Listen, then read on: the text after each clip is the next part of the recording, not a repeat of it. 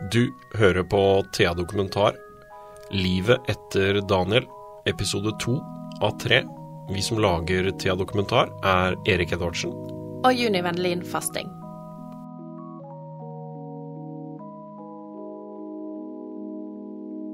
Selv om mange omtaler de to brødrene på samme utpust, Simen og Daniel, var de to ulike typer med forskjellige måter å gjøre ting på.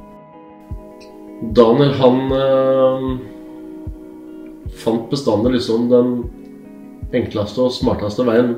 Ikke smarteste, men enkleste. Og den veien som krevde minst energi. Alle snarveier ville han gjerne ta. Så Simen var vel egentlig den som gjorde all jobben. Ja. det var, ja, Han var, han var med og Ja, ja. Og Og det da- Daniel satt inne på rommet sitt og gama eller gjorde andre ting. Og så så var Simen og jeg da som var stabla opp ting og skulle begynne å filme. Og så var det liksom sånn, Da kom Daniel inn og var med på litt film, og litt sånn, og så forsvant han inn på rommet igjen og så gama litt igjen. da. Men han, han var selvfølgelig med på det meste, han òg. Altså, men eh, det er Simen som har lagt hele sjela si bak uh, YouTube, altså.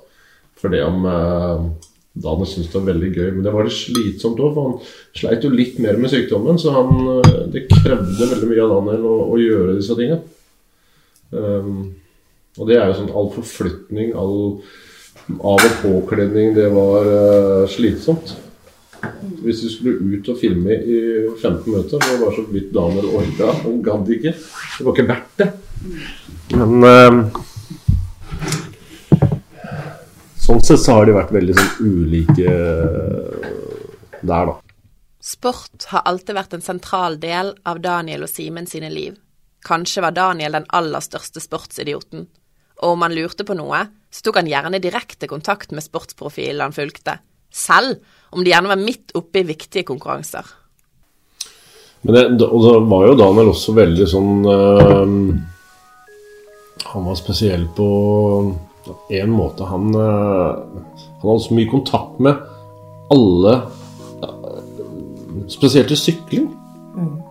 Sendte mm, tekstmelding til Eller satt og skrev med Alexander Kristoff mens det var Tour de France. Alexander, ja, ja. Alexander han svarte på kvelden til Daniel. Jeg husker vi skulle opp til når hele det der uh, Tour of Norway, var det det? Ja, det kom det hele sirkuset til Skien. Og da hadde jo Daniel avtalt med Alexander Kristoff at vi skulle komme bort til bussen og treffe de og Og jeg var jo opp der, synes, var jeg bare liksom småflau. Jeg, det var liksom, han tura fram med en gang. Så banka på bussen og Og så sto vi og venta. Blitt avtalt å møte halv ett til noe sånt nå. Skulle vi møte Kristoff. Klokka ble kvart på ett, og Uh, Nei, var ingen som dukket opp. Og da han sendte melding, da, da husker jeg jeg kikka på meldinga, og står det 'Kommer du', eller? står det. da sendte han melding til Alexander Kristoff, og da kommer han ut med sovesveis. For det, altså, på det nivået der så er det sove, spise, trene. Så da vekket han Kristoff inne på bussen, og da kom han ut og, og flasket da Daniel og Simen. Og... Så Han, han, hadde ikke, han hadde ikke noe sånn sperre på om det var sånn eller sånn. Eller det, han hadde utrolig mye kontakt med mange av de uh, idrettsfolka. Altså. Kasper Wikestad er en av de mest profilerte kommentatorene hos TV 2-sporten. Han og Daniel hadde mye kontakt eh, opp igjennom. Da Wikestad mottok budskapet om at Daniel var død, tok han farvel på sin helt spesielle måte. Og da står han der eh, helt på gråten og forteller at det er en som savnes veldig i dag. Og da hadde Daniel gått bort eh, dagen før. Og den første kampen da som eh, Og alle Tottenham-supportere i Norge vet jo hvem Daniel er.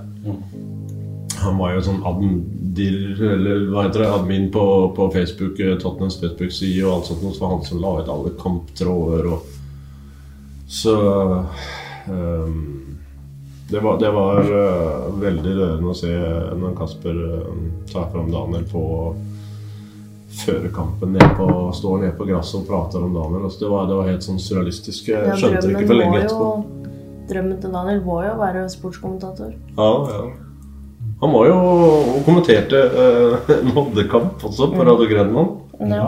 Han fikk spørsmål om det, og da Han var fyr og flamme, han også. Mm. Så den, den, akkurat den evnen der sånn til å på en måte være helt uredd for om det er øh, kjente folk eller hvem det er, så hadde han den dialogen som alle andre, han også. Så det var en sånn god greie han hadde. Broren Simen syntes det var gøy med alle Daniel fikk kontakt med, og han har nok hentet litt inspirasjon fra broren òg. Nå eh, føler jeg også kanskje sende meldinger til forskjellige kjente også. Du har lært litt av han, liksom? Ja. Må jo bare Det verste som kan skje, er at man får nei, liksom. Men hva skriver du til dem, da? Eh, Det er jo kanskje Jeg spør om å lage videoer med folk, eller Sånn, ja. det er jo, Jeg har jo en drøm om å være skuespiller også. Er det det som er drømmen din? Ja. Ja, Og, eller være programleder. Og det har jo vært Det har jo vært. på NRK. Så har jeg en serie nå som jeg var med på. Mm. Ja, på Super. Ja. Tre episoder som er programleder. Simen og Daniel har gjort mye sammen, alltid. Etter hvert som de ble eldre, dukket det også opp en idé om å gjøre noe for de som kjemper for å stoppe mobbing og utenforskap. Inkluderingsdagen ble skapt. En dag som hele familien ble involvert i, og som ikke er lagt bort, selv om Daniel er borte. Det begynte egentlig med at det, når Sigmund og Daniel ble så på en måte populære, da, så laga vi litt uh, Merch. merch. Ja. Og samla inn penger ved å selge det. Ja, så vi hadde 15 000 kroner som vi ville gi til et godt formål. da. Og nå kjente jo vi til dette her med mobbing og litt sånn forskjellig, sånn at vi ønska å gi bort det til, til et godt formål, formål innenfor det. Og så tok jeg liksom kontakt med mm, en god venn av meg som heter Robert Lien Pettersen i mm, kommunen her. Hadde vi noen møter på kontor, og Robert sa til meg at vi at ikke dere prøver å skape noe sjøl, og så kan dere gi bort de pengene til noe.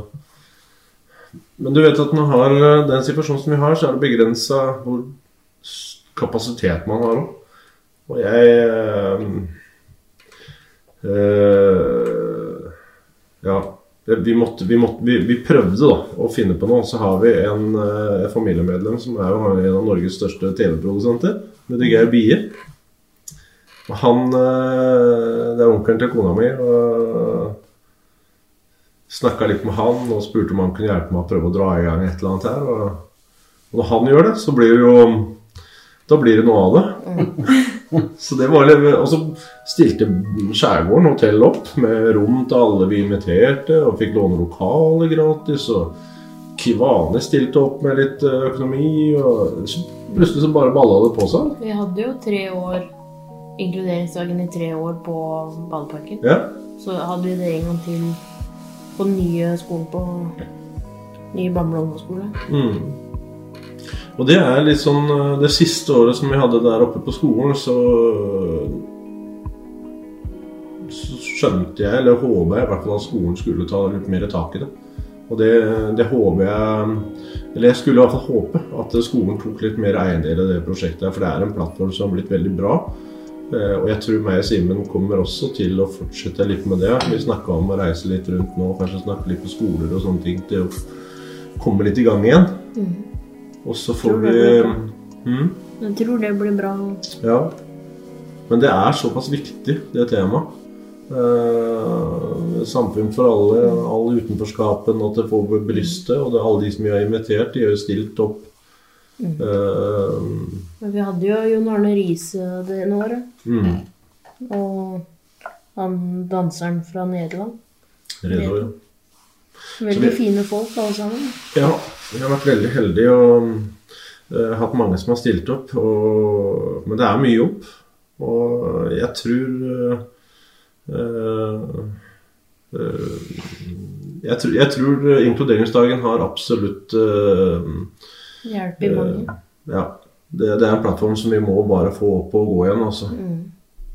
Men jeg tror eh, inkluderingsdagen den, eh, Vi kommer til å ta tak i det igjen når vi får uh, bli litt sånn ferdig med den der lille epoken vi er inne i nå.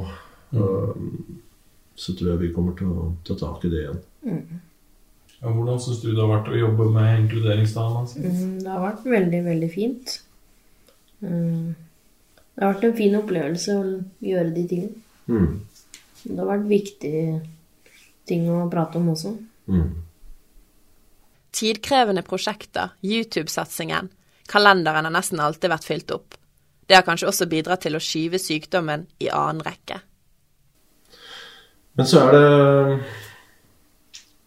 Det skal jo være på en måte litt plass til sykdommen oppi der òg. Det, det også blir uh, inkluderingsdagen, YouTube alt det der. Og det, det var litt sånn inne på det tviler her, at det, hvordan alt dette her former i hvert fall meg. Mm. Jeg tror opp gjennom de åra her så har jeg hatt uh, litt sånn skjold rundt meg som uh, Om det er noe som på en måte har vært tungt eller vanskelig, så har det liksom bare spredt det litt unna. Eh, kanskje det er en form for å komme gjennom da. Jeg tror også Simen og Daniel eh, eh, Alt det som vi har holdt på med, har jo også gjort at vi kanskje ikke har hatt mulighet til å stoppe og tenke over alle de vonde tinga. Fordi vi har gjort det mange ganger. Så jeg tror det har vært en sånn bearbeidelse på alt. Jeg tenker egentlig ikke så mye over at jeg har den sykdommen jeg har, egentlig. Nå er jeg vant til liksom å ha en rullestol og ha den sykdommen. Mm. Så jeg føler kanskje ikke Jeg tenker ikke over at jeg har det skjedd sånn hele tida. Men jeg ville heller ikke vært foruten verken YouTube eller Inkluderingsdagen eller noe av det andre heller, for det har også gjort at vi har fått god verdi på de åra som, som Daniel nå, som på en måte uh, blei Ble gjorde at vi 18 år, og- Jeg tror ikke noen er i nærheten av hva Daniel har klart å fylle de 18 åra med. Eh, så det, det, sånn sett så har vi vært veldig heldige og er veldig glad for de tinga der. Så mye Mange fine minner mm, å ta vare på nå. mm. Men hva med pappaen Bjørn Gunnar? Har han hatt tid til seg selv midt oppi alt? Nei, jeg skal være helt ærlig, så har jeg eh, I hvert fall nå det siste halvåret så har jeg ikke Så har jeg ikke hatt det, altså. Livet mitt har blitt satt på vent uh, i mange år fordi den situasjonen uh, har krevd det. Og så kunne jeg jo valgt om jeg ikke skulle være YouTube-pappa, eller om de bare skulle holde på med det på egen hånd, eller om jeg ikke skulle starte inkluderingsdagen og bare tatt papparollen ved siden av det med de. Men det er ikke helt meg heller. Å bare liksom sitte på sida. Eh, eh, jeg kan nok for mange virke Hvilket ord skal jeg bruke uten at det blir feil? Ikke kontrollerende, men jeg må ha litt kontroll på den situasjonen jeg har. Og hvis ikke jeg har det, så tror jeg jeg hadde begynt å ta inn over meg alvoret på en litt annen måte. Og så tror jeg ikke jeg hadde klart å fått til alle de tinga som jeg hadde klart å fått.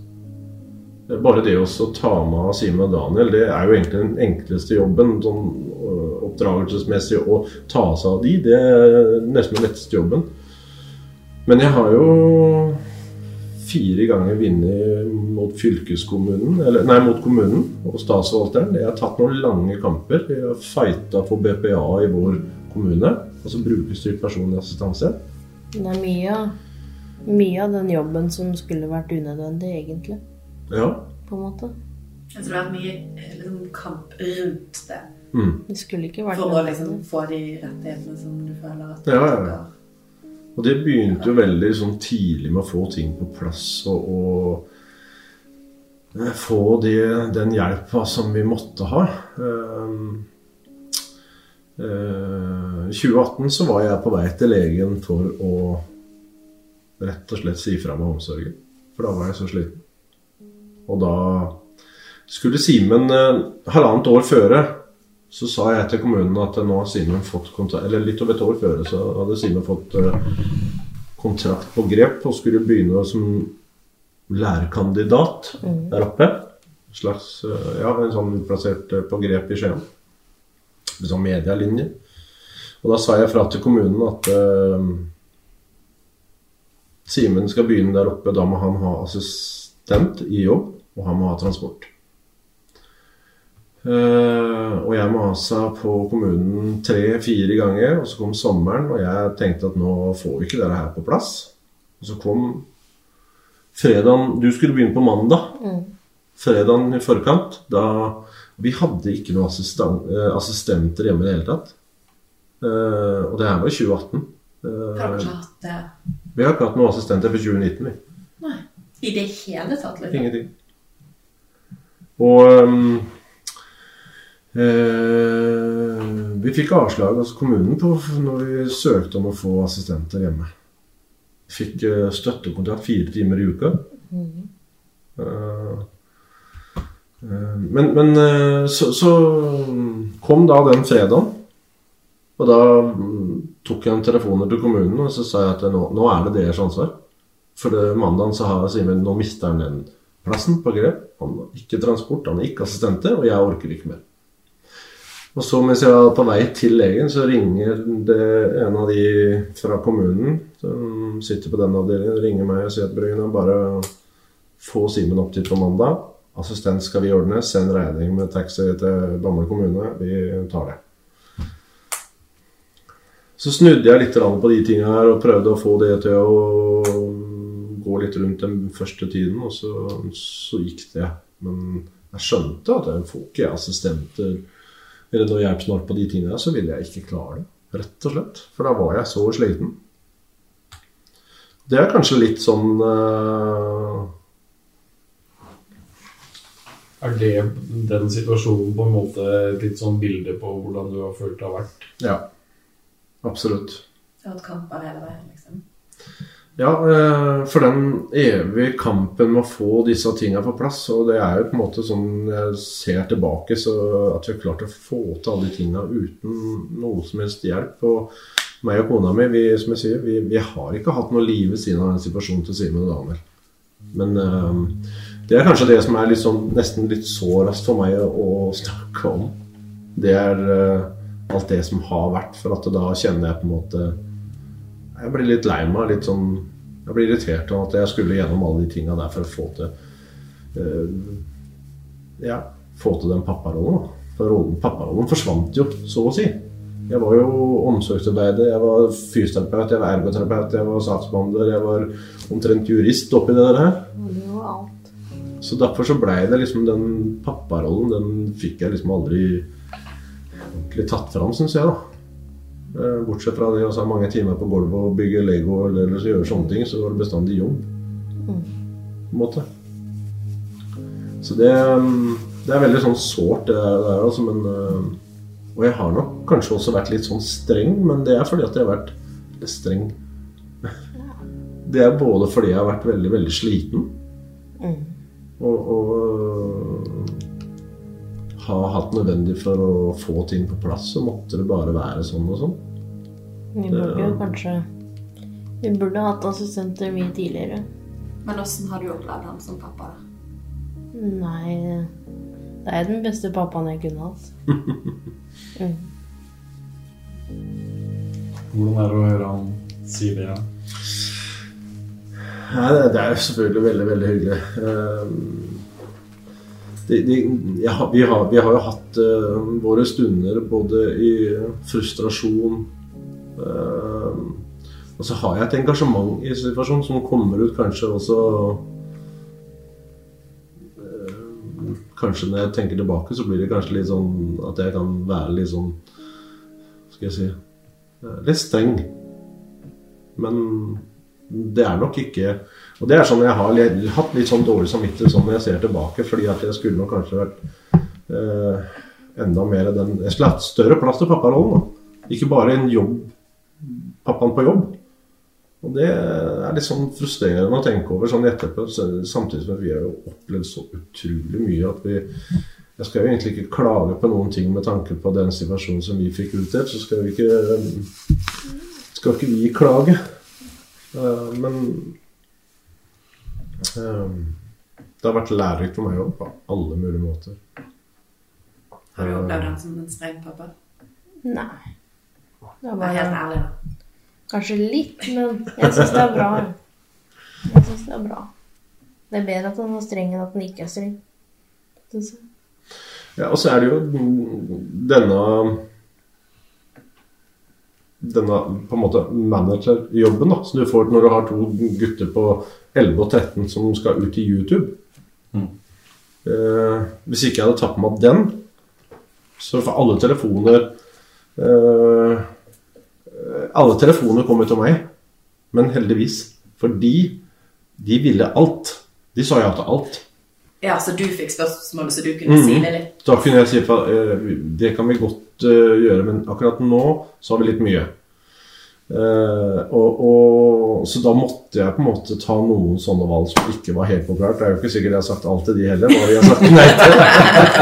jeg har fått tilbud om. Men jeg husker veldig godt etter vi var på Når Simen og Daniel vant, vant Meningsbærerprisen på NRK, så hadde vi På kvelden da, så fikk vi forespørsel om å komme på frokost-TV. På God morgen Norge. Og da var vi på God morgen Norge. Og så gikk vi tilbake på hotellet, og så skulle vi spise. Og de hadde jo feira denne prisen på hotellrommet og øh, spist godteri og drukket brus og vært oppe halve natta. Og så skulle vi der på God morgen Norge, og så Mens vi da sitter og spiser frokost, så ringer Nina Hovig fra Dagsrevyen til meg. Og så Når vi da så, Jeg sier ikke hvem det var. Og så bare jeg snakka med henne, så sier jeg at hvis dere kommer til oss i kveld og vil være med da på Dagsrevyen i kveld, og så ordner vi en ny natt på hotell og alt sånt. Og jeg kikka rundt bordet, og alle sammen satt sånn halvsov. Og jeg bare sa til henne at dessverre, vi må takke nei til det. Altså, men det var veldig veldig hyggelig. Men det, hadde jeg ikke sjanse til. Eh, og det handla ikke om meg, hva ikke jeg har sjanse til. Altså. For jeg skulle jo ha med dere til Dagsrevyen, og så skulle jeg ha med dere hjem og være hjemme sammen med dere etterpå. Og to slitne... Det hadde blitt for slitsomt. Ja. Eh, hadde vi hatt, som i dag, da, som vi har assistenter som kan ta seg av den praktiske biten, og når guttene skal et eller annet, og så kan jeg bare være pappa ved siden av, så hadde det vært litt enklere. Men det var ikke mulig å si ja til alt. Nå har Simen assistenter som følger han opp. Det hadde Daniel lå den siste tiden han levde. Det ga nye muligheter og et annerledes liv, men det kom ikke uten kamp. Så det er, det er en frihet, egentlig. Jeg kan jo gjøre akkurat hva jeg vil. Veldig kjekt. Det også var jo en sånn Jeg måtte pushe og presse kommunen litt, for å være helt ærlig. Jeg føler i hvert fall at jeg måtte det. Eh, Fordi at i 20, nå er det 2023, det var 2021 så flytta vi inn i den nye leiligheten, med kona mi. Og jeg husker at Daniel var jo ikke mer enn 17 når vi fikk den leiligheten. og så mange begynner sånn Skal dere flytte? Han er jo 17 år. Nå er det ingen andre som har en sånn situasjon som de vi gjør. Så vi, vi, jeg skjønte det at når vi, hvis ikke meg og kona mi kommer ut av det huset nå, så tror jeg vi går på veggene begge to. For der, da begynte vi å få assistenter igjen. Så det at eh, assistentene traver rundt i huset og lager mat, og vi sitter liksom på TV, så kommer det to nye inn, og så går det to nye ut Det er jo mye å venne seg til. Det er Det jo er en krevende situasjon, altså. Um, for det, det var jo det vi ønska. Og da hadde vi jo ikke noen på natt. Da hadde vi bare på dagen og på kvelden. Eh, og vi kunne ikke bo der eh, på en måte sånn sammen eh, når vi var seks stykker. Det, det går ikke. Så da sa jeg til kommunen at eh, jeg flytter ut i, til sommeren. Så nå må vi søke om eh, Eller nå må vi ha 24-7-løsning for begge. Og vi flytta inn i juni, og i august så fikk vi det. Og da eh, trodde jeg det egentlig ikke. Eh, for at da husker når de sa at ja, vi skal eh, ordne det, så dere får den. Og da hadde jeg hatt kanskje Når vi søkte om BPA første gang i 2015 Vi fikk det i 2019. Så fire og et halvt år holdt vi på bare for å få eh, 20 timer i uka på to stykker. Man burde egentlig bare fått det med en gang. I 2015. Det hadde vært mye bedre.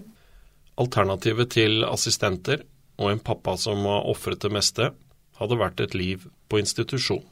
Han trenger, trenger hjelp hele tiden. Det gjør han. Eh, og så er det jo det at mange av guttene som eh, har noe skjønn, de bruker jo respirasjonshjelp, altså pustehjelpemidler. Simen har ikke det nå, men skal jo få det nå. Eh, burde vel også kanskje ha hatt det. Jeg burde hatt det. Men det også er jo en del av Det også er en del av det at han ikke vil ha hatt nok hjelp, så får vi også eh, hvis, hvis du har to ganger du skal inn til Rikshospitalet og ha eh, kontrolltime, så er ikke det så veldig stress. Men hvis du har to gutter, så er det fire ganger du skal inn. Og så skal du fire ganger til Skien. Og så skal du på habiliteringstjenesten to ganger. Så til slutt så har du egentlig eh, fylt opp hele våren og hele høsten med sykehusbesøk og innleggelser, oppfølging på det, fysioterapeut hjemme, ortopediske hjelpemidler det, det er veldig mange sånne ting. Da blir det til slutt så er det langt over en sånn vanlig jobb, altså. Men hvordan skulle du gjort dette her hvis du hadde vært i jobb?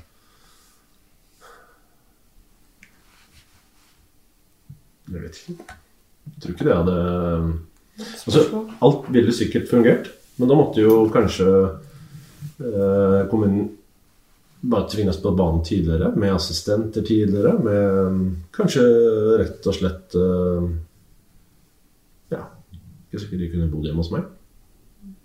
At de kanskje måtte ha stått på institusjon typ, da? Ja. Da hadde du ikke hatt noe det, liv. det var jo en av de tinga som, eh, som, som også ble tema når Daniel Daniel gikk bort. Så var det ikke sikkert jeg kunne love Daniel at han kom hjem til Simen. Hvis han var for syk, så kan det hende at kommunen ville beholde ham på sykehjemmet.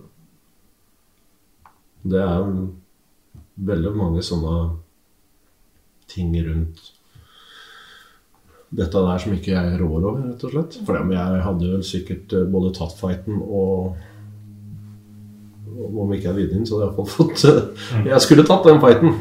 Men eh, det er jo noe med hva som blir forsvarlig og ikke forsvarlig også. Um, Men du, sa du at du ikke hadde hatt noe liv?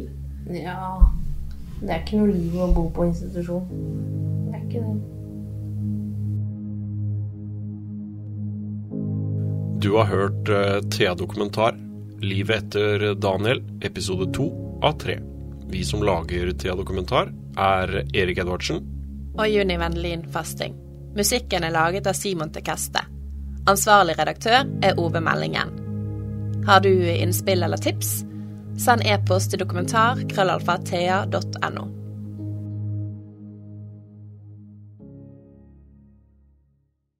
Har du et enkeltpersonforetak eller en liten bedrift? Da er du sikkert lei av å høre meg snakke om hvor enkelt det er med kvitteringer og bilag i fiken, så vi eh, gir oss her, vi. Fordi vi liker enkelt. Fiken superenkelt regnskap.